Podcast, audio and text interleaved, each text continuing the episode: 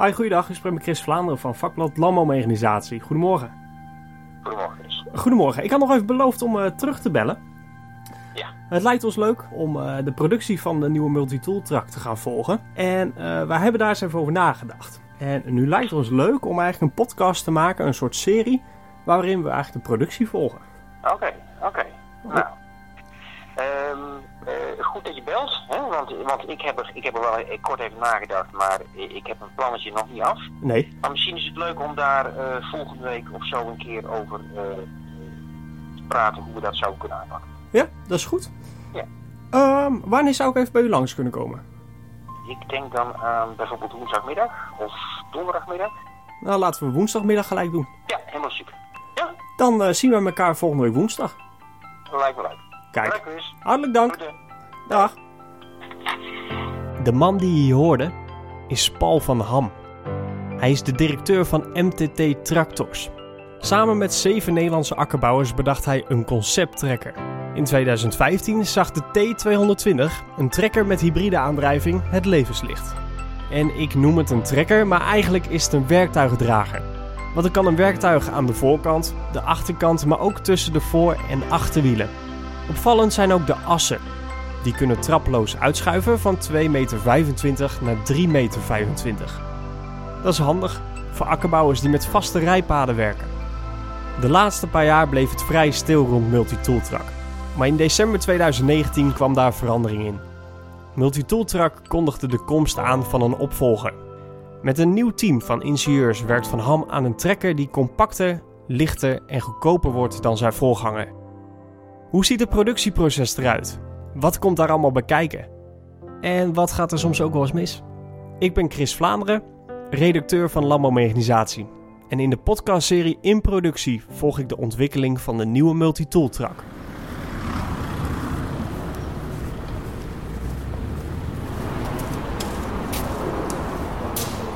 Goedendag. Kom van multitool truck. Ja, hier eh, binnen. Dank u wel.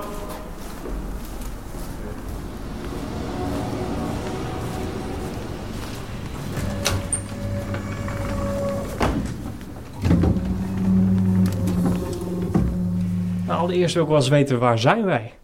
Wij zijn op dit moment in Arnhem op het IPKW-terrein. En dat is een groot verzamelterrein voor allerlei eh, bedrijven, jong en oud, maar ook zeker een aantal start-ups.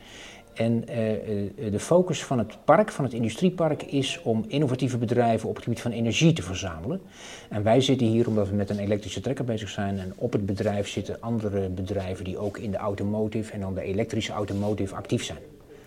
Wij zitten hier in een eh, vergaderzaaltje en dat is vlak naast jullie kantoor. Ik zie hier geen trekker staan en ik zie hier ook geen werkplaats. Nee, dat klopt. De werkplaats is 100 meter verder. En eh, dit is inderdaad het kantoorpand. Want jullie zijn een nieuwe multitool truck aan het bouwen. Waarom? Ehm, waarom? Omdat we verder willen met het fantastische concept van de elektrische aandrijflijn. En met het feit dat we een hele bijzondere tractor maken voor boeren die met CTF werken. En omdat we in 2017 op de Agritechnica in Hannover heel erg veel reacties gekregen hebben op ons eerste prototype. Waarin verschilt de nieuwe multitool truck van de vorige die jullie toegemaakt hebben? Ja, dat is een lang verhaal, maar ik zal het kort proberen te vertellen. Eh, heel veel boeren in Nederland die kennen de multitooltrak en wij kregen van heel veel mensen wel te horen dat die eigenlijk wel wat aan de zware kant is. En eh, tegelijkertijd, omdat die machine zo groot is, is hij zo zwaar, maar omdat hij zo groot is, is hij ook vrij duur geworden. En eh, de combinatie en groot en duur gaat heel erg moeilijk naar de markt. Dus wij hebben begin 2018 besloten om de machine aanmerkelijk korter en lager te bouwen, waardoor we ook een hoop gewicht kunnen besparen. Ja, want ik zie de tekeningen hier voor ons liggen. Ja, doet mij een beetje denken aan een, eh, een Klaas Xerion zonder motorkap. Het is eh, zeker op een plaatje is het een Klaas Serion zonder motorkap. Het is ook een Klaascabine. Maar als je hem naast elkaar zou zien, dan zie je meteen dat dit een tractor is van 6500 tot 7000 kilo. En de Klaas Serion die is 15 ton en nog meer geloof ik.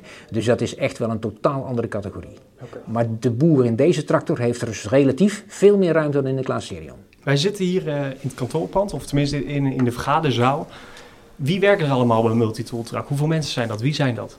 Wij eh, werken op dit moment vooral met ingenieurs en met mezelf. Ik ben ook wel ingenieur, maar ik ben iets minder echt met de techniek bezig.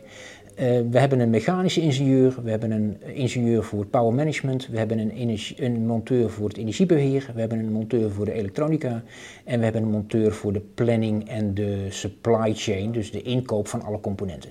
Oké, ja, ik hoor nu heel veel mensen, maar het zijn er dus? Het zijn er alles bij elkaar zes nu, want er zit ook nog een financiële man op de achtergrond. En, die mensen werken allemaal fulltime mee aan dit project? Uh, op de financiële man na, dus we werken met vijf mensen fulltime en dan één financiële man die een dag, twee dagen in de week actief is.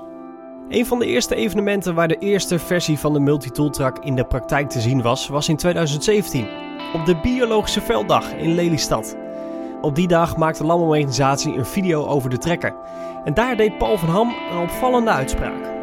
Uh, het doel van het komend jaar is machine 3 tekenen en bouwen. Dat is het doel voor dit jaar. En tegelijkertijd is het doel om de tractorfabriek uh, bedrijfstechnisch op orde te krijgen. Dus, dus uh, de, de fabriek op te zetten. Ja. Waar gaat het plaatsvinden? Bij Boesekol of op een andere locatie? In eerste instantie bij Boesekol. Uh, dat is niet echt een fabriek die geschikt is voor grote series. Maar daar zouden we tot 10 per jaar kunnen bouwen. En daarna moeten we kijken waar we, waar we elders heen gaan. Klinkt ambitieus nu al 10 per jaar. Dat is ontzettend ambitieus, ja, ja, ja. Maar ik denk dat dat de machine waard is. 10 trekkers per jaar. Misschien was dat toch iets te mooi om waar te zijn want meer dan twee prototypes kwamen er niet. Desondanks blijft Van Ham geloven in het succes van dit project omdat um, we op de elektrische aandrijflijn heel veel positieve reacties hebben gekregen. En op het feit dat het echt een werktuigdrager is, een machine voor op de akker, hebben we ook heel veel positieve reacties gekregen. Alleen uh, deze machine is bij nadere inzien toch te zwaar en te groot gebleken en te duur. Dus wij denken dat als we nu een kleinere variant maken, wat nog steeds een hele royale machine wordt, maar die aanmerkelijk lichter is en in de productie een stuk goedkoper kan zijn, dat we daadwerkelijk iets hebben wat goed naar de markt kan. Hoeveel zijn er uiteindelijk van het vorige model gebouwd? Er zijn er twee gebouwd. We hebben twee prototypes gebouwd. En die draaien in Nederland? En die uh, staan nu stil, uh, maar die hebben uh, een hoop testwerk al achter de rug. Maar waarom staan ze stil?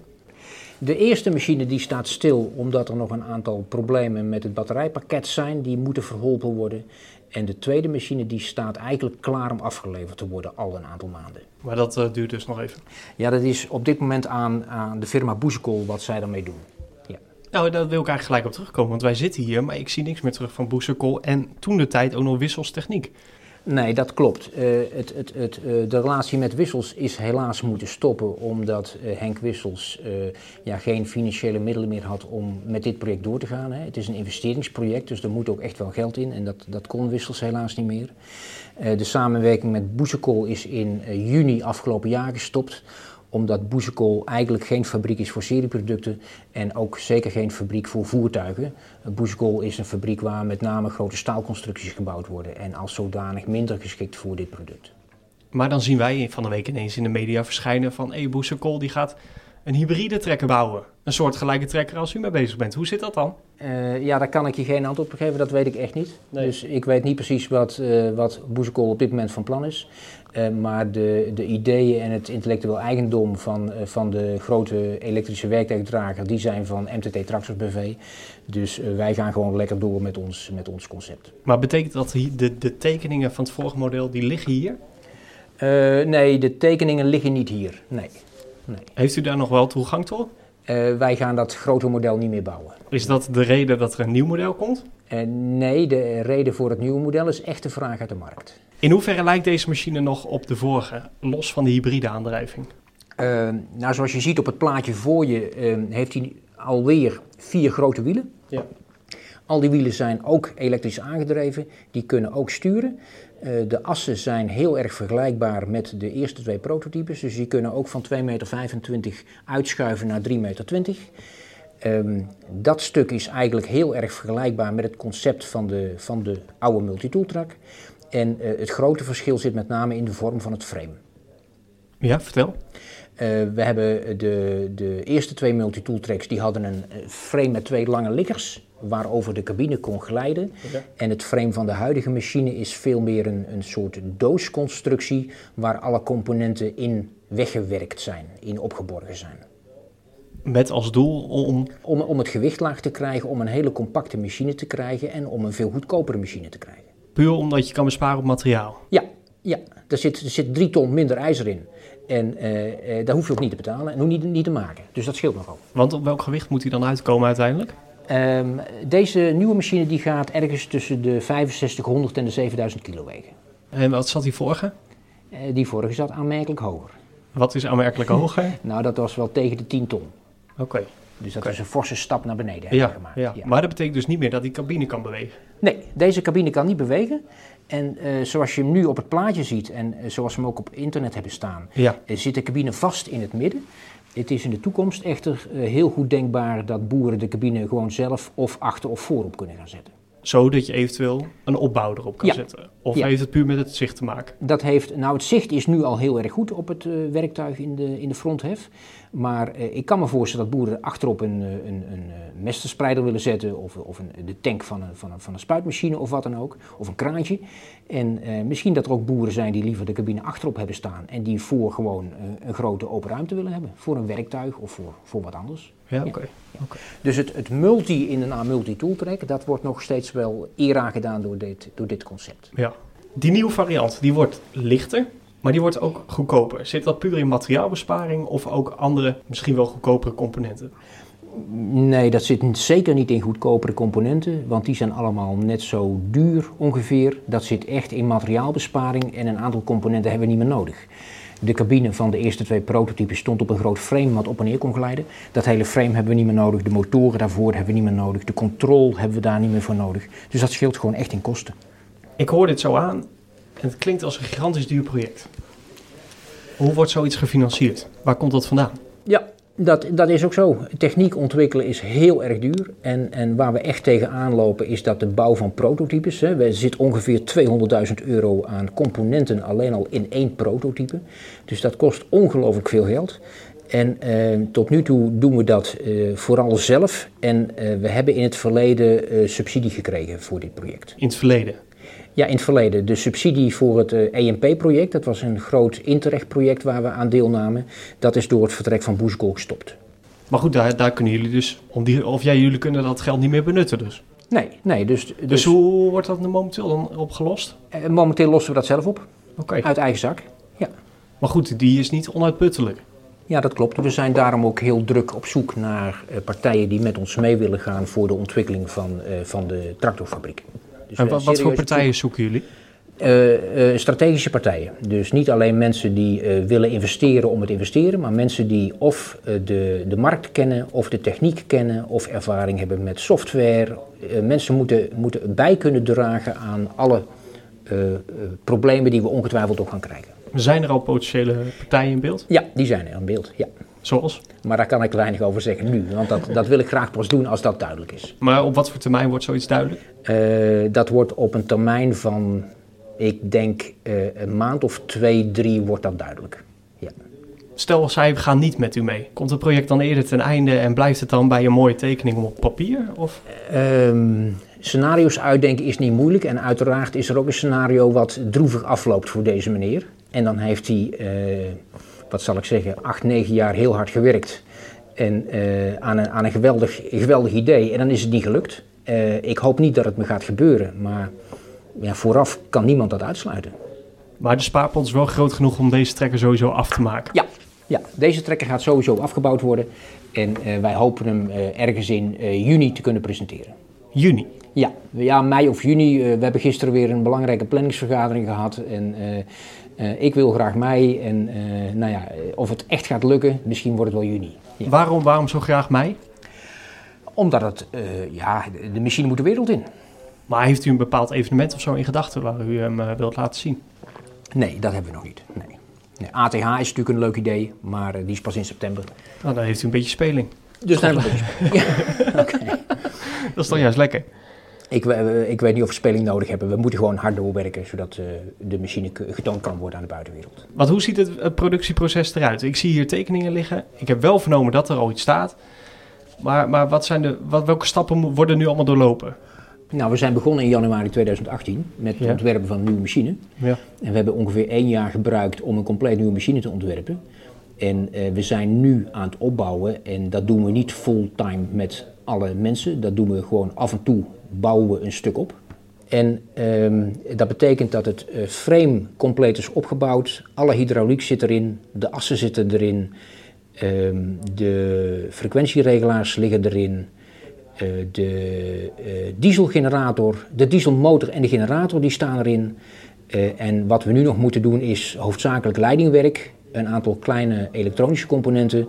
En dan moeten de, de wielen nog gemonteerd worden, of de velgen en de wielen, de wielmotoren en uiteraard de cabine nog.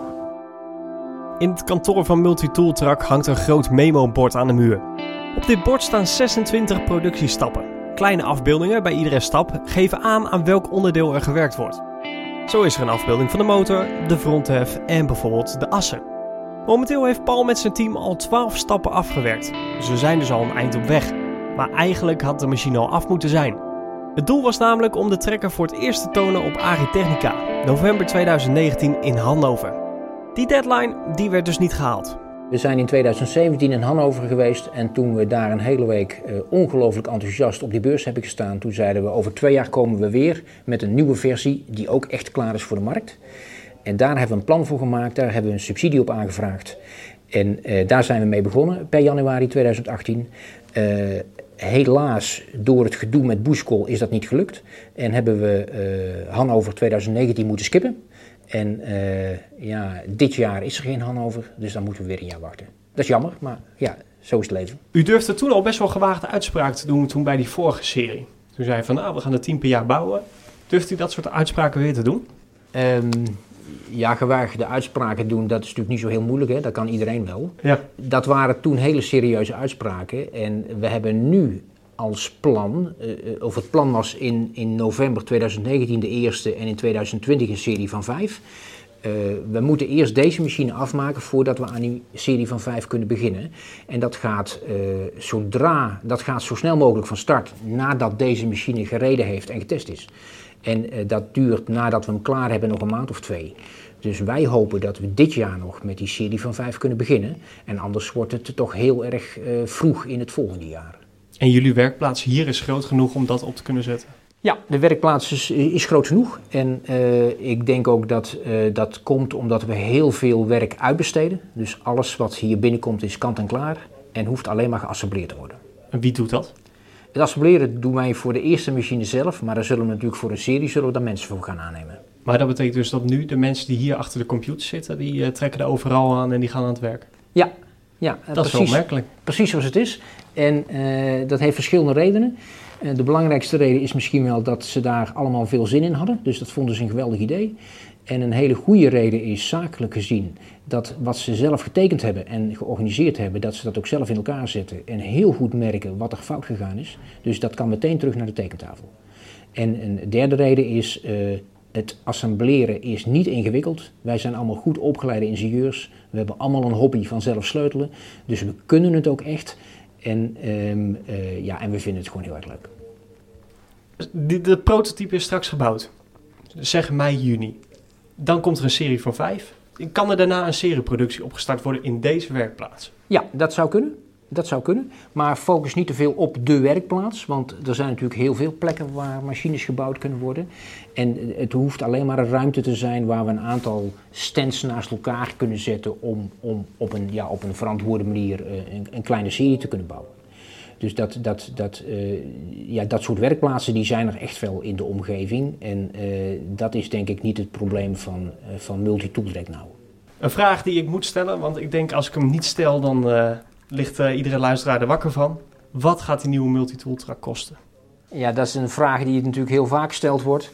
En de strategie intern is om hem alleen te beantwoorden voor boeren die hem ook echt willen kopen. Maar uh, je snapt wel dat deze tractor een stuk duurder wordt als een gewone tractor uit, uit het schap, zal ik maar zeggen. En ik denk dat voor de eerste vijf machines dat je toch aan een bedrag ergens tussen de 250 en de 270.000 euro moet denken. Waar, wat maakt deze trekker zoveel duurder dan eentje uit het schap? Um, Serieproductie? Uh, ja, als je de eerste Volkswagen Golf zou kopen, dan betaal je 1 miljard. En uh, als je de duizendste koopt, dan betaal je nog maar 30.000 euro. En uh, dat zit in elk industrieel proces, zit dat schaaleffect. En dat speelt nu heel erg in ons nadeel, omdat we maar kleine aantallen componenten kunnen kopen. Maar we zijn heel hard aan het onderhandelen met onze leveranciers en echt ons best aan doen om zo snel mogelijk de componentprijs naar beneden te krijgen. En wil dat een beetje lukken? Ja, dat, dat, daar, daar hebben we in deze machine al een behoorlijke stap naar gezet. Ja. Ik uh, denk dat wij richting de werkplaats gaan. Nou, gaan we doen. Multitooltrak is gevestigd op Industriepark Kleefsewaard in Arnhem. Het kantoor zit vlak bij de ingang van het bedrijventerrein. De werkplaats zit verstopt in een oude en klassieke fabriekshal. Na vijf minuten lopen komen we aan bij de werkplaats.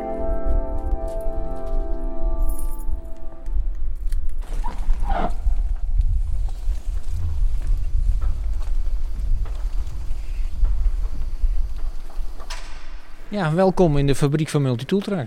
Het is een uh, grote fabriekshal. Wat, wat, wat heeft hier vroeger gestaan of wat was hier vroeger? Ik heb werkelijk geen flauw idee, maar uh, volgens een kennis van me heeft hier ooit een installatie gestaan om zonnepanelen te maken van. Hyatt. Okay. Dat was geloof ik de vorige bewoner en uh, daarvoor is het is een oud axopand.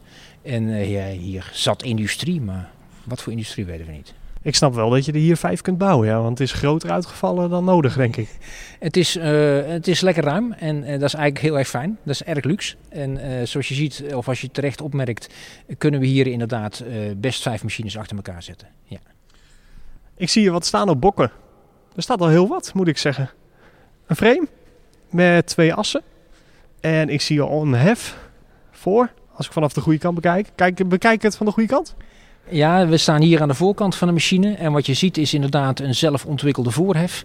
Je ziet een grote vooras op dit moment in uitgeschoven positie. Uh, je ziet het frame met een groot hydrauliek ventielblok erop. En als we dan een klein beetje naar de zijkant lopen, dan zie je als eerste valt op, denk ik, dat we het frame allemaal opgebouwd hebben uit losse delen die we gebouwd hebben uh, in plaats van gelast. En uh, daardoor al die boutkoppen. En uh, de reden daarvoor is dat het uh, heel makkelijk te assembleren is en heel goed na te bewerken. En uh, hier in het midden nu is het compartiment waar de dieselmotor en de generator staat. Ja, dat ligt er ook al letterlijk in. Wat mij wel opvalt, hij ligt over dwars. Ja, hij ligt over dwars en dat is natuurlijk geen enkel probleem, omdat de verbrandingsmotor totaal losgekoppeld is van de aandrijflijn. Dus het enige wat die verbrandingsmotor hoeft te doen is energie te leveren. Die levert hij aan de generator die eraan vastgebouwd is. Aan de andere kant komt nog het koelpakket voor de dieselmotor en dan hebben we een energie-unit. En nu is dat nog een dieselmotor. En in de nabije toekomst wordt dat wellicht een biogas-unit of een waterstof-unit of wie weet wat voor unit. Ik hoorde u net zeggen, we hebben een zelfontwikkelde fronthef. Die dingen kun je gewoon inkopen bij een Zuidberg. Waarom doe je dat niet? Uh, op de eerste twee prototypes hebben we dat inderdaad gedaan. En uh, een fantastisch bedrijf, Zuidberg, dus niks ten nadele van hun. Maar de fronthef die zij bouwen is gemaakt voor een standaard tractor. En die is een stuk lager dan deze machine. En dat betekent dat de fronthef er altijd onderuit hangt. En uh, wij hebben gedacht van ja, wij kunnen veel beter zelf een fronthef ontwikkelen. Dan past die mooi bij de machine. En we hebben de doorrijhoogte gevrijwaard. Als ik het zo zie, dan verbaast het me wat er hier allemaal al staat. Er staat al vrij veel. Wat mij ook opvalt, is die assen. Ja, ze zijn natuurlijk uitschuifbaar vanwege de vaste rijpaden waarop je kunt werken. Maar het oogt allemaal wel heel zwaar. Of zie ik dat nou helemaal verkeerd? De uiteinden waar de fusées in moeten, dat zijn inderdaad forse stukken staal. Maar ja, daar moet ook alle kracht op afgesteund worden. De armen zelf die zijn van dunwandig hoogsterktestaal. Dus daar zit aanmerkelijk minder gewicht in. Maar je hebt gelijk, het feit dat deze machine zijn wielen in en uit kan schuiven, ja, dat vraagt wel extra materiaal, dat klopt. Er, wordt al, er is al heel wat gebouwd. Wat zijn jullie nou in dat productieproces tot nu toe allemaal al tegengekomen? Wat, wat, wat is er misschien niet helemaal gegaan zoals moest? We hebben erg goed ons best gedaan om het vooraf allemaal goed te engineeren. En dan toch zie je in de productie dat er allerlei kleine dingen niet gaan zoals je gedacht had. Of net niet gaan zoals je gedacht had. Zo zijn de, de glijblokken waar die assen doorheen schuiven, die waren een millimeter te dik. Uh, af en toe was er een gat aan de verkeerde kant van de arm gebouwd. Dus dat moet dan opnieuw dichtgelast worden, opnieuw gespoten worden. En dan komt het weer terug. Uh, dit onderdeel bijvoorbeeld, dit is de steun voor de cabine. Daar uh, hadden, hebben ze bij het lassen de ijzeren steunplaat uh, 5 mm op een verkeerde plek gezet. En dat betekent dat we de gaten moeten groter maken, omdat het anders niet gemonteerd kan worden. En zo zijn er natuurlijk een heleboel kleine, kleine details die net even niet passen. Nou, uh, die komen we nu tegen. Die gaan allemaal meteen terug naar de ontwerpafdeling, worden in tekening aangepast. En bij het volgende model kan het dan in één keer door geproduceerd worden. Hoeveel vertraging heeft dat tot nu toe opgeleverd? Al dat soort dingetjes? Um, het ontwerp en het bouwen heeft eigenlijk niet voor vertraging gezorgd. De vertraging die in het bouwen gekomen is, heeft te maken met het leveren van de componenten.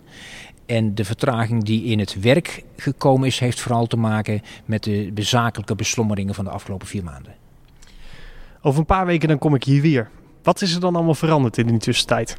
Ik hoop dat er veel meer componenten op zitten. Ik hoop dat de fusées eraan zitten, dat de wielmotoren gemonteerd zijn. Eh, dat, eh, even kijken, wat zal er nog meer zijn? Wellicht staat de accu er dan al in, maar in ieder geval de hydrauliektank en de dieseltank. Ehm, en dan ligt eh, de, oh ja, de, de uitlaatgas nabehandeling. Dit is een eh, Euro 6 motor. Ja. Dus daar komt een, eh, een, een hele trompet aan extra uitlaatonderdelen aan. Die zal ook helemaal gemonteerd zijn tegen die tijd. De AdBlue. De AdBlue, ja.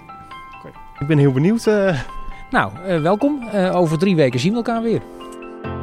Tot zover de eerste aflevering van de podcastserie In Productie, waarin we de ontwikkeling van de multitool truck volgen. In de volgende aflevering gaan we in gesprek over het ontwerp van de machine. Wie heeft de machine ontworpen? Waarom stapt Van Ham van het werktuigendragen concept af? En waarom heeft de multitool truck eigenlijk vier even grote wielen? Heb jij nog vragen over de machine, het bedrijf of het productieproces?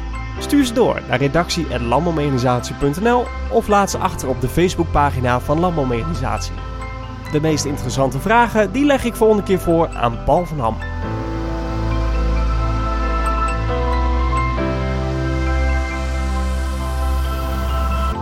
Je luisterde naar een podcast van Landbouwmechanisatie. Beluister ook het Megaman maandoverzicht. Bekijk de video's op ons YouTube kanaal en lees het laatste mechanisatienieuws op de website megaman.nl. En in het vakblad Landbouwmechanisatie.